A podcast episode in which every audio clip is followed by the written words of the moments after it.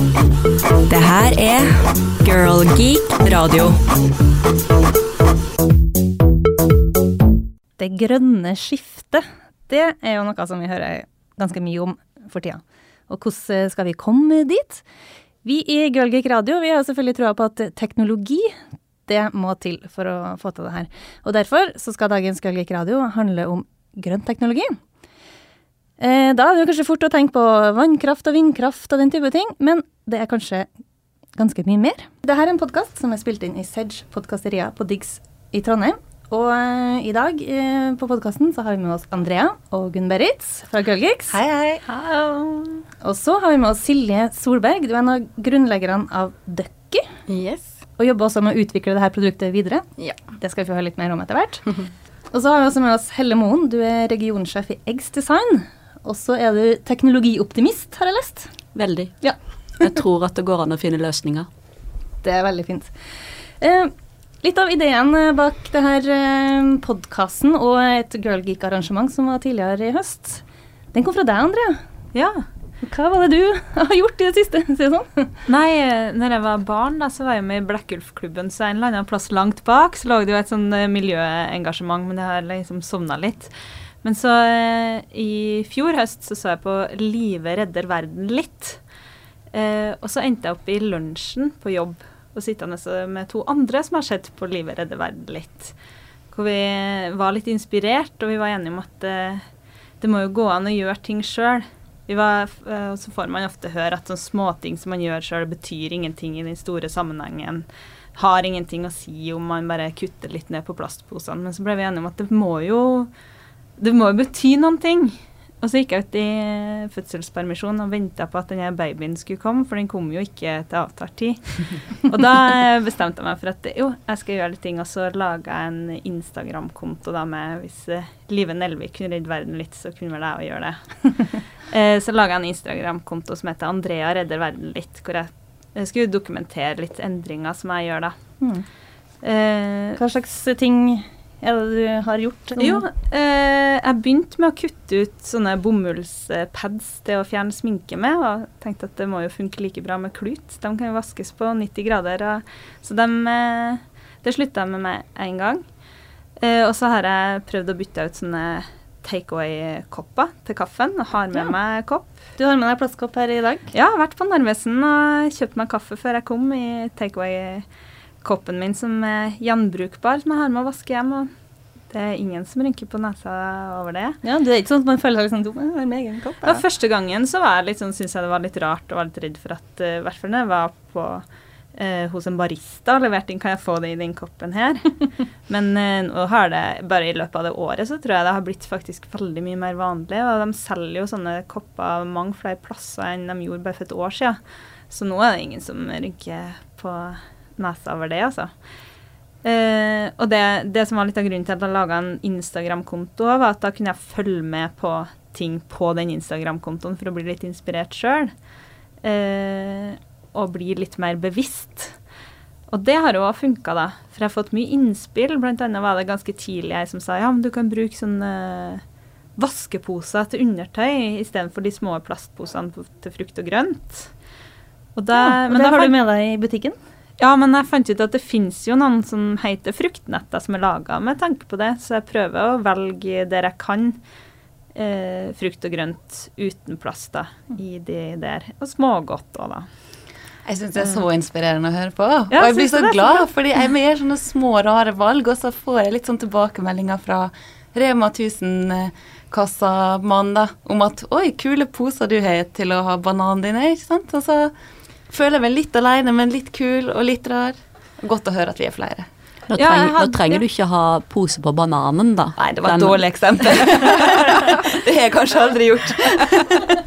Men jeg var faktisk på Rema med de der nettene til frukt og grønt, og da var det ei som jobba der som, som syntes det var utrolig bra. Da. Så sa jeg ja, dere må begynne å selge sånne, og oh, ja, det her skal vi skal vi prøve å ta det videre. Jeg har ikke sett dem enda da, men det skjer jo litt. De har jo begynt på Rema for en stund siden å ta inn sånn bambus Mm. Det kjøpte jeg i går. Ja, så bra! Ja, jeg skal prøve. Ja. Det er nettopp som du sier, at det har skjedd ekstremt mye bare det siste året, det siste halvannet året, på at de, den gemensamme butikken begynner å plukke opp at det er mer og mer etterspørsel. Så det er kjempeløyelig. Ja, for det var jeg ganske spent på når jeg laga den Instagram-kontoen òg, om, eh, om det var noen som kom til å følge den, og jeg trodde ikke at jeg kom til å få så mye En ting er at folk slenger på en like, men det at folk kommenterer og kommer med innspill eller spør hvor har du fått tak i det, det har skjedd i mye større grad enn det jeg forventa. Jeg ble ganske overraska over det. Det er mange som er interessert i å gjøre eh, en del endringer i hverdagen sin. Da. Så Ja, det er veldig bra. Det jeg tror er kjempebra, er at du virkelig bruker kundemakta di. Eh, Og hvis mange nok gjør det, så klarer du å endre ting på et eh, systemnivå. Og eh, det kan være en veldig stor effekt som du kanskje ikke tenkte på når du begynte med det, at det bare gjelder deg. Men butikken legger merke til at så kommer du, og så kommer noen andre med dette nettet, da. Ja, helt klart. Og en som kanskje har eh, prøvd å sette det her enda litt mer i system, det er jo det er Silje, og dere fra Ducky. Ja, det er nettopp da jeg sitter- og kjenner på at jeg har lyst til å fortelle deg at alle ting kan oss som enkeltindivider faktisk være med på å endre. Fordi det er sånn, når oss starta Ducky, så var det nettopp akkurat den her frustrasjonen og kanskje den her følelsen av ok, har det noe å si det oss som enkeltindivid eh, gjør, da. Eh, og så begynte vi å snakke med forskere og begynte å gå ut og prate med flere folk. Og, og det var ganske mange som kjenner på den frustrasjonen, men har veldig veldig lyst til å gjøre noe. Så det er kanskje det du refererer til, at det er en stor mengde mennesker som bare, bare leter etter den der kunnskapen om hva de kan gjøre, sånn at de kan få lov til å iverksette det i sin egen hverdag. da. For hva, hva er Ducky? Det må jo forklare Noe. Ja, Ducky eh, Ja, det er den der tre-lineren, ikke sant. Pitchlinen som du skal komme. Ja. Nei, oss eh, jobber med enkeltindividets eh, påvirkning på miljøet. Og da kvantifiserer oss det de små tingene som du gjør, i da en miljøgevinst, altså en CO2-besparelse. Og der ligger da i grunnen for de verktøyene som er utvikla. Og så har vi da òg utvikla en sånn konkurranse og opplæringsverktøy som en hvilket som helst team kan gjennomføre for å gjøre det her da til noe sosialt. Eh, og noe spennende og litt mer sånn lavterskelting. Mm. Det, er det er å få da kunnskap om hva du kan gjøre, og forståelse for uh, hvor mye det har å si. da. Det var liksom Hvordan, eh, basisen. Skal man registrere det her noe sted, eller eh, skal man skrive det opp i tavle? skal jeg si? Ja, det finnes en webapp uh, som du kan gå inn og først gjerne si, beregne ditt eget fotavtrykk, for det er jo en av de tingene som de fleste ikke har noe forhold til i dag. Ja, hva, hva er et fotavtrykk? Eh, og da har vi utvikla sammen med eh, verdensledende forskere på der du da kan legge inn de tingene du gjør i hverdagen. Se Livsstilen, hvor stor er boligen, hvor mange folk er som bor der, hvilken type energikilder har du, men òg liksom hvor mange ganger i, uh, uka spiser du kjøtt, f.eks., hvor langt det er til jobben din. Alle de små tingene som gjør at at oss kan beregne akkurat ditt fotavtrykk. Da. Hvis det nå var et gjennomsnittlig fotavtrykk i Norge, må vi vel si. Ja, det ligger på 14 tonn ca. CO2? CO2. Mm. Uh, mens f.eks. en kineser, mener jeg å huske nå, uten at jeg er den største eksperten i dere på det, det er vel fire fire tonn. Ja, så vi Mm. har litt å gå på, eller eh, minske, for å si det sånn. Hvor mange av de tonna er knytta til reising? Flyreise? Ca. 40 eh, står for liksom, transporten for, da. Og der er jo hovedsakelig fly og bil eh, den store potten. Altså det her fritidsreisene våre er ganske store, da. Mm. Eh, det som er litt interessant med det her verktøyet vårt, er at eh, det er egentlig er for første gang mulighet for å beregne den her, fordi at oss tar utgangspunkt i det som heter forbrukerperspektivet. Altså vanligvis så leverer um, hva skal si, stat og bedrifter klimaregnskap. Men så er det sånn at de da beregner det her fra hva de slipper ut innenfor sin på en måte geografiske område. Eh, det, og det er kjempefint. Det gjør òg at de har muligheten til å sette seg mål og, og på en måte redusere sine utslipp. Men så er det sånn at da er det veldig, veldig vanskelig å knytte enkeltindividet opp til det her klimaregnskapet. Så ved at oss da eh, regner ut eh, hvor mye det det har å si i en aktivitet, så tar vi òg med liksom hele livssyklusen til denne aktiviteten. Og da, da, da regner vi ut på en måte alle CO2-utslipp i verden, så fordeler oss det på alle mennesker. Og nå er det sånn at eh, alle klimautslippene faktisk kommer fra av at oss etterspør varer og tjenester til daglig. Ja. Så hva, hva, hvor mye kan vi spare da, på å sykle istedenfor å kjøre til jobb? Ja, det varierer veldig hvor du bor hen, hvor langt du har til jobb. på Byåsen, Ugla, skal til sentrum. Ja, det er sånne ting som er veldig vanskelig å si ja, på sporten. Fordi at det er så store eh, på sånn måte individuelle forskjeller. Men det er alltid tommelfingerregler, da. Mm. Det er det. Sånn at eh, det er det er alltid Hvis du har muligheten til å sykle, så er det kjempebra. Mm. Eh, hvis du, men hvis du f.eks. òg kan samkjøre, så er jo det òg bedre enn å kjøre bilen helt alene. Så det er en del sånne her ting. Eh, Men hvis eh, vi skal sette opp en eh, konkurranse, da. Da kan jeg få med folk på jobben, f.eks. riktig. I en eh, tidsperiode, da. Ja, så, For eksempel. og så har jeg utvikla det her sammen med forskere innenfor klimapsykologi og klimakommunikasjon og klimadata. Så denne eh, konkurransen er da bygd sånn at eh, du skal kunne eh, gjennomføre en del aktiviteter i en gitt periode, og så gjør du det i team, sånn at du får det til å bli noe som er sosialt. Og så får du folk til å dele erfaringer når de da møtes på jobben, f.eks. Eh, som igjen folk kommenterer på Andreas sin Instagram. Ja. Ja. Riktig. Det at du tør å liksom stå og gjøre det offentlig, da. Gjør at folk kan òg delta aktivt litt i det du gjør. Det, det er kjempeviktig. Altså skape en, en slags ramme rundt en dialog, og gjøre det her til noe som er mer normalt å prate om. Folk liker jo å vinne konkurranser, da. Det hjelper. Men er det sånn at ok, liksom, ok, jeg skal sykle til jobben eh, hver dag, for da kan jeg fly en ekstra tur til Syden? Om, det, om du kan gjøre det, ja, det må jo du bestemme helt sjøl. Her er det jo ingen som sier at du kan gjøre det ene eller det andre, men det handler egentlig om å for vår del altså handler det om å gi nok kunnskap til folk, sånn at de har muligheten til å ta andre valg der de føler at det faktisk går an. Og så er det noen, altså Alle kan ikke gjøre alt, men alle kan gjøre litt. Og så er det det å prøve det ut, da. Men det der er veldig det som eh, Nå er det veldig inn på det som jeg kjente på òg, at uh, uh, alle kan gjøre eh, lite grann. Og så gjennom å, å bli, ha den kunnskapen bli litt mer bevisst. Det var litt derfor jeg valgte å lage den Instagram-kontoen òg, for da får jeg kanskje innspill som gjør at jeg eh, tenker over det oftere. For en del ting er bare vane. Dårlige vaner. Og som f.eks. å slutte med de sminkepadsen. Det har jo ingen praktisk betydning for meg om jeg bruker klut eller sånne pads. Det er bare at jeg alltid har brukt de bomullspadsen. Eh, så veldig mye er liksom ikke så tungvint, eller det koster egentlig ikke så veldig mye å endre det. Eh, Så når du blir litt mer bevisst, så altså Om tannbørsten din er av plast eller bambus, har jo ikke så mye å si for deg når du pusser tennene. Mm. Og når du blir bevisst at det valget påvirker noen ting, da, så det er lettere å ta et bedre valg. da. Og så er det sånn at eh, hva skal jeg si, holdninger er veldig du, du på en måte prater gjennom at det er holdningen din som står i veien for at du gjør noe. Men det er ofte Det er bevist òg at det å teste ut ting gjør at du kommer fort og endre holdningen din fortere. Sånn at det er jo da f.eks. sånn som vi har gjort i Ducky, at vi da lager en konkurranse rundt det. Så kan hvem som helst delta. Og ved å teste ut små ting i hverdagen som du ikke nødvendigvis ville gjort ellers, og få det til å bli på en måte en, sånn ta- talkingsgreie, så, så er du med på å bryte ned en del terskler for en del mennesker som eldre ville gjort det her på egen hånd. Og det som er litt intensjonen òg, at eh, du, er jo en, du er jo et bilde på en frontrunner. Yes! Det vil jeg være. Du, dette her hadde vi gjort helt på egen hånd fordi du kjenner på det sjøl. Ja. Og nå begynner du å merke at det er veldig mange av de her frontrunnerne, fordi at de, de er mer synlige i sosiale medier, prater høyere om det. Men så er jo den store massen for at vi i hele tatt skal kunne få på en måte en systemendring, for at vi skal kunne få, få, få bedriften til å produsere si, produktene sine mer bærekraftig, eller å ta inn andre produkter som er bedre, så er vi nødt til å få med på en måte en hel, den hele massen til å begynne å etterspørre andre produkter. Men det virker på en annen måte òg, og det er jo at de som jobber i disse ulike bedriftene, når de blir mer opptatt av å gjøre de riktige tingene, så vil de påvirke fra innsida òg.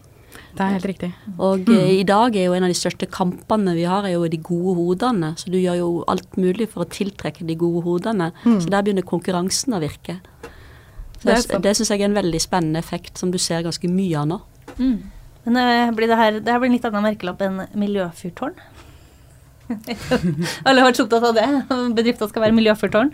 Men det her blir jo ta det litt lenger. Ja, altså vi merker oss har jo vært til stede i tre år nå som startup. Og på de tre årene så har vi jo merka en enormt stor eh, si, endring i, i oppmerksomhet bare de siste året fra de store bedriftene, som vet at de skal, hvis de skal være markedsledere om eh, si, 5-10-15 år, så er de nødt til å begynne å ta grep nå.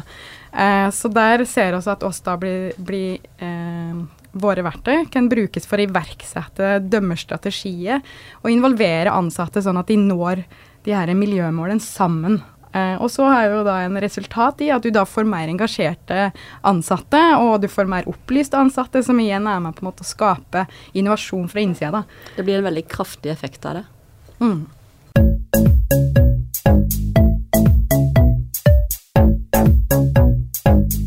Girl Geek.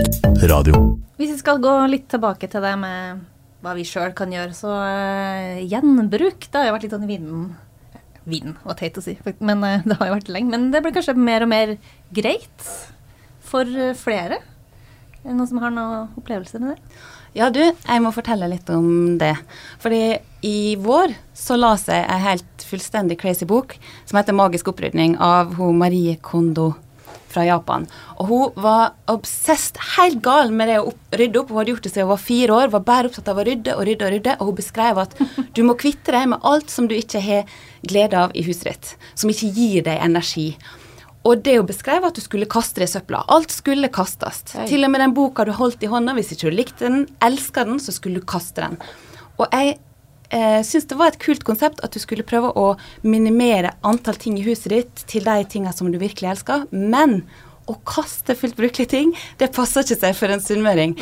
Så da oppdaga jeg denne appen Tice, som eh, er en norsk app. Er ganske nyutvikla, som hovedsakelig fokuserer på klær, men det går også an å selge sko og eh, ja, møbler, alt mulig der. Veldig enkel måte å eh, kunne selge ting på en lekker måte. Skiller seg litt fra Finn på den måten, og jeg ble helt hekta. Først må jeg legge ut mine egne ting, men nå også som en måte å shoppe på.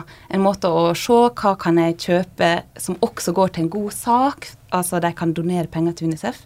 Eller hva kan jeg kjøpe som Jenny, Jenny Skavlan syns er innmari hot om dagen, f.eks. Det er masse morsomt der, eh, og jeg har blitt virkelig bitt av basillen.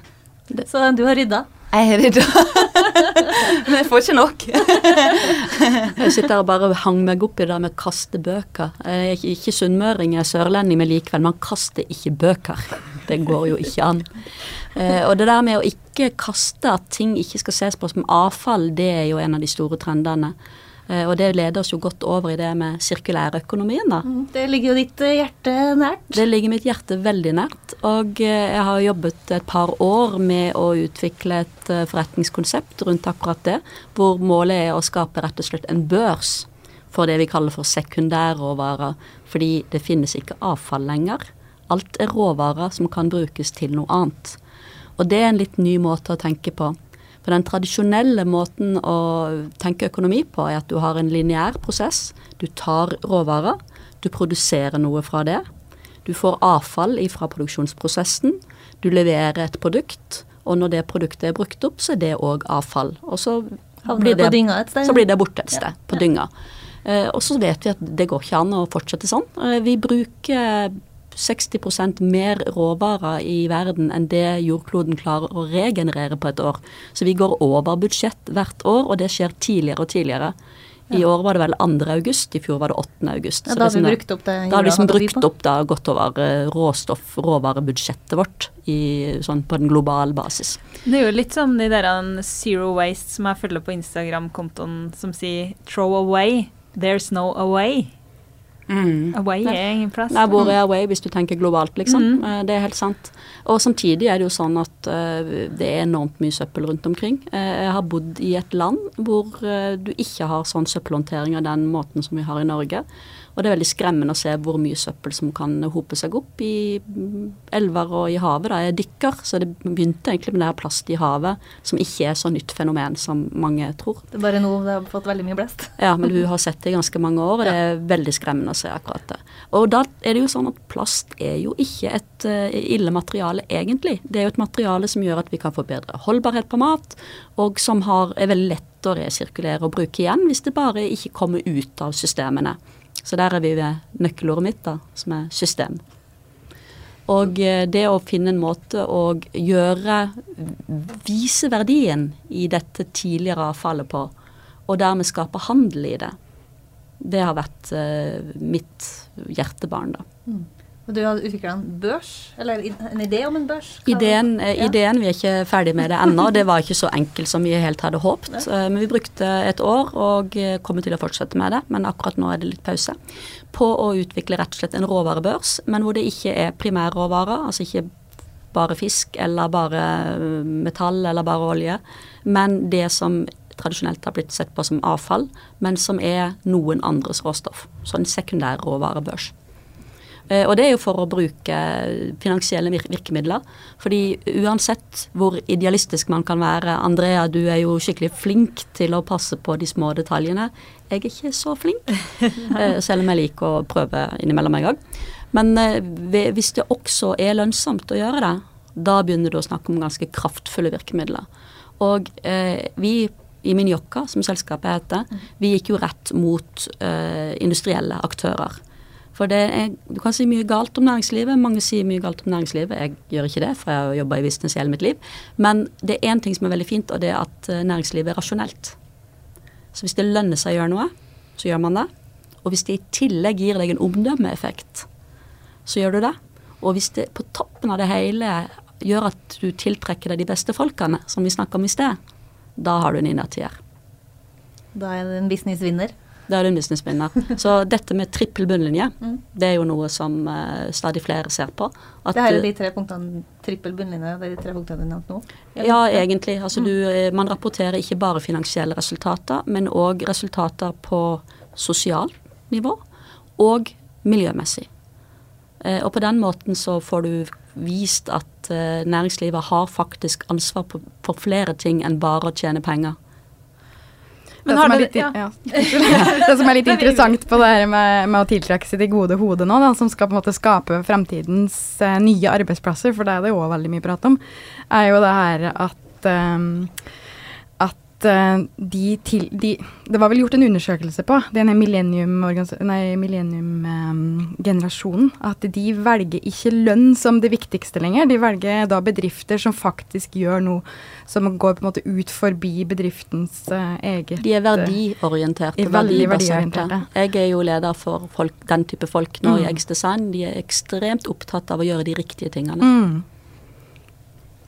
Men har det skjedd en eh, endring? Det er du som eh, har vært i business litt lenger? For jeg kjenner igjen litt det, det der fra når jeg starta den eh, kontoen sjøl, hva er det jeg liksom vil eh, identifisere meg med, da. Eh, for noen år tilbake så tror jeg kanskje ikke jeg ville ha starta den her eh, Instagram-kontoen, for jeg har kanskje blitt litt redd for å se på som frik, på en måte. Mm. Men jeg føler at vi begynner å komme litt over det, da.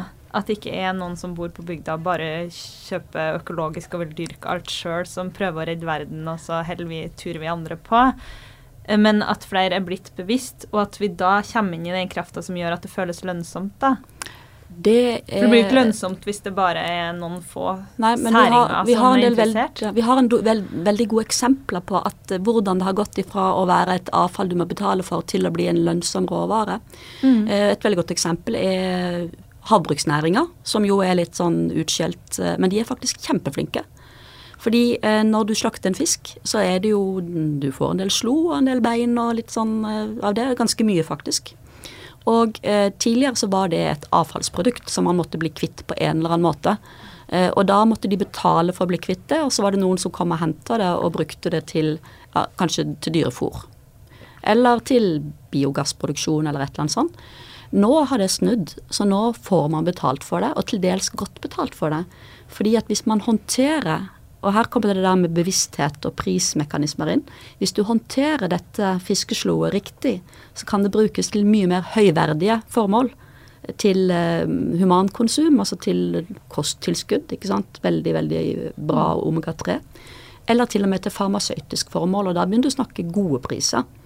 Men fremdeles går det aller meste til dyrefôr eller til fiskefôr, da. eh, Som igjen er et poeng, fordi at eh, det er begrensa med villfisk. Så du kan ikke bruke villfisk til å fôre oppdrettsfisken med. Du må finne andre kilder, og da kommer dette inn igjen, da. Så eh, der er det blitt, skjer det masse. Og når det gjelder oppdrettssektoren i Norge, de bruker alt. Så det er ikke helt det er egentlig ikke noe avfall. Nei, vel, nei, det er faktisk veldig, veldig lite. Inspirerende. Ja, Det er det. Altså, jeg- de skal, det skal de ha. Fordi de, de får mye kjeft for lakselus og rømninger og sånn, men akkurat dette her er de knallflinke til. Så det skal de ha for. Men kanskje det handler om å klare å formidle de jævlig gode historiene da, eh, litt oftere, sånn at eh, folk får den her, eh, blir litt inspirert til å ha lyst til å være med og, og kjøpe de produktene, eller ja, si, akselerere marked for det. Mm. Hvor viktig er teknologien i det her? Kan vi si noe om det, siden vi er girl geeks? Teknologien er viktig fordi at eh, det som jeg nevnte er at du må håndtere disse råvarene riktig. eh, og det kan være ganske komplekst. Av og til må du behandle de på en god måte. Eh, du må ha teknologi som gjør at du kan analysere innholdet, så du vet hva det er for noe. Det er et problem for øvrig. ikke engang bare en utfordring, det er et problem. At man ikke alltid vet hva det er Fordi det har blitt sett på som avfall tradisjonelt, så har man ikke behandla det på en sånn måte at man vet hva innholdet er. Og hvis du skal bruke dette som råstoff, så er du jo avhengig av at du vet hva det er, og at det er likt fra gang til gang. Så det er en sånn standardiseringsjobb som må gjøres her. Og her kommer designbiten inn, da. Eh, Jeg er jo eh, ingeniør med finansbakgrunn, og det er ikke sånn helt opplagt hvorfor jeg havna i designbransjen. Men hvis du tenker gjennom dette her med systemer som skal se på hvor kommer råvarene fra, kan jeg bruke sekundærråvarer, og som skal være bevisst på at de ikke har avfall, så ser du at her må noen tenke på totaliteten, hvordan henger ting sammen, og det er det designere må gjøre. Så du kan egentlig ikke snakke om sirkulære forretningsmodeller uten å tenke design. Hvordan skal dette fungere? Eh, Så det var sånn jeg ble kjent med Eggs Design, som kunde opprinnelig. Og så så jeg at aha, dette, dette er noe lurt. Jeg tenker jo at det må, må teknologi til for å løse liksom eh, veldig mange ting, da. For å få gode system som gjør at vi ja, eh, faktisk resirkulerer plast. Kanskje vi kan finne alternative eh, materialer. Da. Det er som plast, som du sier, er jo et veldig godt materiale, men det er jo veldig farlig når det havner på Eller plaster Feil, som nedbrytes eh, nedbrytes på en annen måte. Ja? Det skjer jo mye der. Ja, eh, for eh, jeg snakka om at jeg eh, prøver å ha dere frukt og grønt eh, i de posene, men nå har jeg jo skjønt at det jeg veit ikke helt om det er det smarteste. Det er gjort med god vilje. Jeg fortsetter med det likevel, for jeg tenker at plasten er så farlig. Men det er jo en grunn, som du var inne på i sted. Eh, plast egner seg veldig godt til å ta vare på maten. Mm. for å hindre matsvinn, som igjen nå er et enormt problem. Mm. men kanskje man kan finne andre materialer som nedbrytbare, som kan erstatte. Og da må du jo ha teknologi til å klare å gjøre sånne type Og heldigvis, heldigvis så forskes det mye på det. Så Ja. eh, det er jo en stor bevissthet rundt det. Og eh, jeg, igjen, jeg er optimist. Jeg er helt sikker på at vi finner løsninger. Girl Geek. Radio. Sorry for this part, we're going to switch to English because we have uh, Gaylor Boto here. Um, we're going to talk about finding these solution solutions for uh, good technology, and uh, you're here to talk about Climathon Trondheim, which is going to take part of the 27th of October here in Trondheim. First of all, what is a Climathon? Well, uh, Climathon is a global 24-hour uh, climate change event which will take place simultaneously in cities around the world on 27th of October 2017, just like to say. But uh, as I said, it's a climate change event. And uh, the word itself comes from a combination of two, two words. It's climate and then marathon. So we call it a marathon because it's a rolling and running 24 hour event when people are gathering together and to try to find a solution to a local climate change issue within a city that they belong to. Yeah. So what's um, what's the um, issue in Trondheim? Well, you you you may find any type of issue you want eh, within the Uh-huh. city. So I mean, So it's not a set uh, task. You have to actually find Uh, what you want to.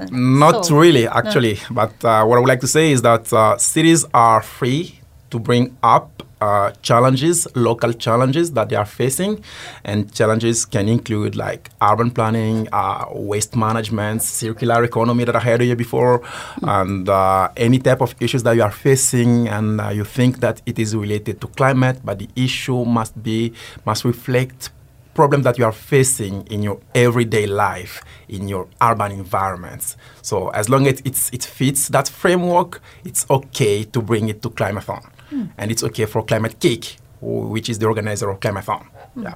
But today, uh, this this year in Trondheim, we have an issue uh, about uh, smart energy solutions in historic urban environments which is about uh, answering the question of uh, we have uh, old buildings and we have new technologies.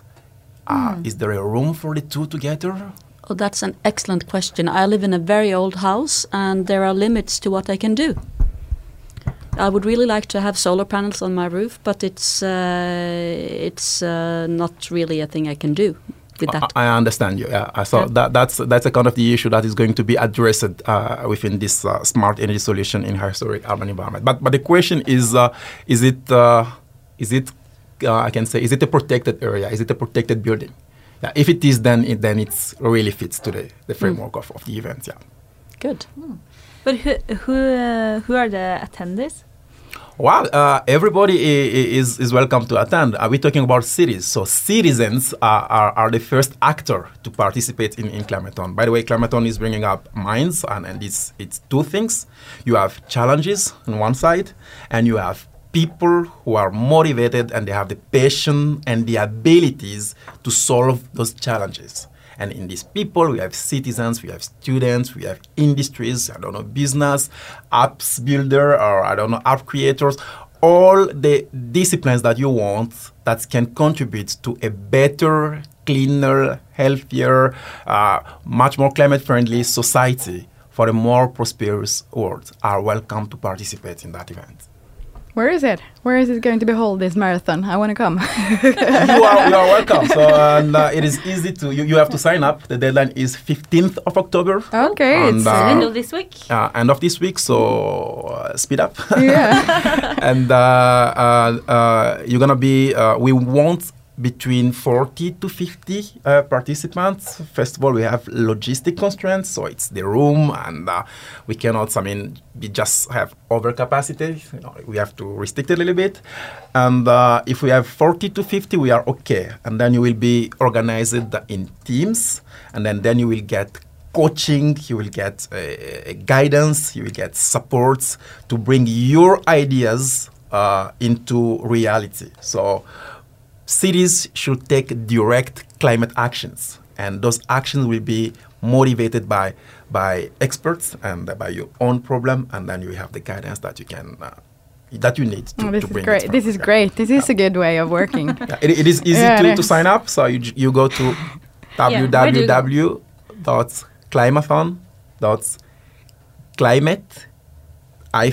www.climathon.climate-kick.org. Oh. Then you select your city, Trondheim. You will see Trondheim is already there. And then uh, you sign up. So you are welcome. To, to You will find the this address on the blog afterwards. Yes, that will be It's a bit nice. That to will be nice. So, so please help us. Yeah. Have you have you done it before? I've, I I didn't. Uh, I was not there last year. This is the third edition. Climate cha- Climaton grew up uh, very exponentially. Started with 19 cities, and Trondheim has always been uh, one one participant city. And uh, today we have 59 cities. So 59 cities all yeah, over the world. over the world, six continents, and we have over 2,000 ideas, new ideas uh, tackling uh, climate issues in cities. So I didn't, I didn't do it last year. I will unfortunately not do it this year because I belong to the organizer board, to the organizer teams. But probably next year, I will, I will be there. Do you know? But if- if yeah, Sorry. if you uh, so if uh, you get some really good ideas in Trondheim, they can uh, be used in all the other cities as well if they find them suitable for. Yeah, this is city? this is the opportunity to to to showcase climate change solutions on, on global scales. So we try to find uh, solutions to problem that, that we are facing in Trondheim, which is one of the problem. And if that solution is good enough, it will be it will be just spread over over the world, and then people can pick it up but uh, we have we have an idea, a very good one. We have winners. Uh, the first three winners will get prizes, and then NTNU Axel, which is a, a company uh, which which has an expertise on accompanying companies and startup companies, will take the the first prize winners and put them into the incubator that we have in NTNU, where a foetus company can start growing up and then and Oh, so if you have a really good idea, work. you can Yeah. actually grow into Yeah. a business. So the idea will be kind of a little bit private in the beginning because a company may come out of this, but at the end it will be a solution available to everybody all over the world. So That's great Yeah. that you're thinking in a business perspective. we need it. Yeah. in, in in circular economy perspective, I totally agree that we want we have to integrate uh, Yeah. everything. Well, it has everything to it has to be profitable in the end, uh, Yeah. and then it really works. So uh, I I think it's a very good idea what you're doing. I am. Uh, I like it. I like looking a lot forward to see the results. So is this a solution then? Maybe this is a bit odd. Uh, for the world's uh, problems that we need to start thinking differently. This kind of meetings, meetups, is this place to start? I definitely think because we also came out of a similar kind of meetup, uh, the startup weekend here in Diggs, where we are today, and it's it's definitely like uh, bringing people that have the ideas and and the energy to go through with it, and and also the ownership to the the the ideas, and putting it together with people that knows how to run a business, how to start a business, so you don't have to do all the mistakes every time, but you kind of get guidance on how to get get this started and how can you actually get the business running. It's it's very important, helping yeah, just matching people that have different skills, so you're able to get this out quicker. That's very very important. To answer your question, also and complete, I, I totally agree with, uh, with what she's saying. And uh, if you say, is it a solution? I would say yes. Is it the solution? I would say no. We need more smarter, clever ideas. We need a lot of synergies to get together to solve the climate issue in the world. But uh, we cannot do it if we cannot start with small things. So we have to start. Nobody has the final solution. Exactly. It Exactly. needs to be a mixture of uh, a lot of changes. a lot of changes. That's why this year we have a lot of disciplines uh, coming together trying and to solve to, the to sum maybe everything up that we, we're talking about today, the, the change can start with me. And it all kind of goes in steps. So it's Yeah. steps for us as individuals, but it's also steps for for existing businesses. They have to start somewhere uh, on or, in order to change their way of producing stuff, or maybe coming up with new ideas and steps for the society. So yeah, I think sharing for steps is the next step. totally agree with you. True. Small step for a man, but a big step for humankind. yeah. Sorry. you, you. You don't know what can help, what can bring changes. Mm. Just act uh, act locally while thinking globally. Mm, It's a good one. Yeah. Real good one. Perfect. Still works, that one. That's a great way of ending, I suppose. Um, så egentlig så vil jeg vel bare si at det var det her for denne her Girlgeek-podkasten. Det neste Girlgeek Dinner Trondheim-arrangementet, det skjer 15.11. Da feirer vi fireårsbursdag under Next Media-konferansen. Så hvis du har lyst til å bli med på det, så får du finne oss på Facebook. Hvis du har lyst til å sjekke opp noe av det vi har prata om i denne podkasten så finner du det på bloggen vår trondheim.girlgeekdinners.com. Eh, Der finner du lenker til alle de tingene vi har snakka om. Og så sier vi egentlig bare følg oss på Facebook. Send oss en melding hvis dere lurer på noe. Så avslutter jeg med å si at denne podkasten har vi spilt inn på Sedge Podkasteria. Så tusen takk til alle dere som har vært med i dag. Det har vært kjempespennende. Takk. Tusen takk. Tusen takk. Girl Geek Radio.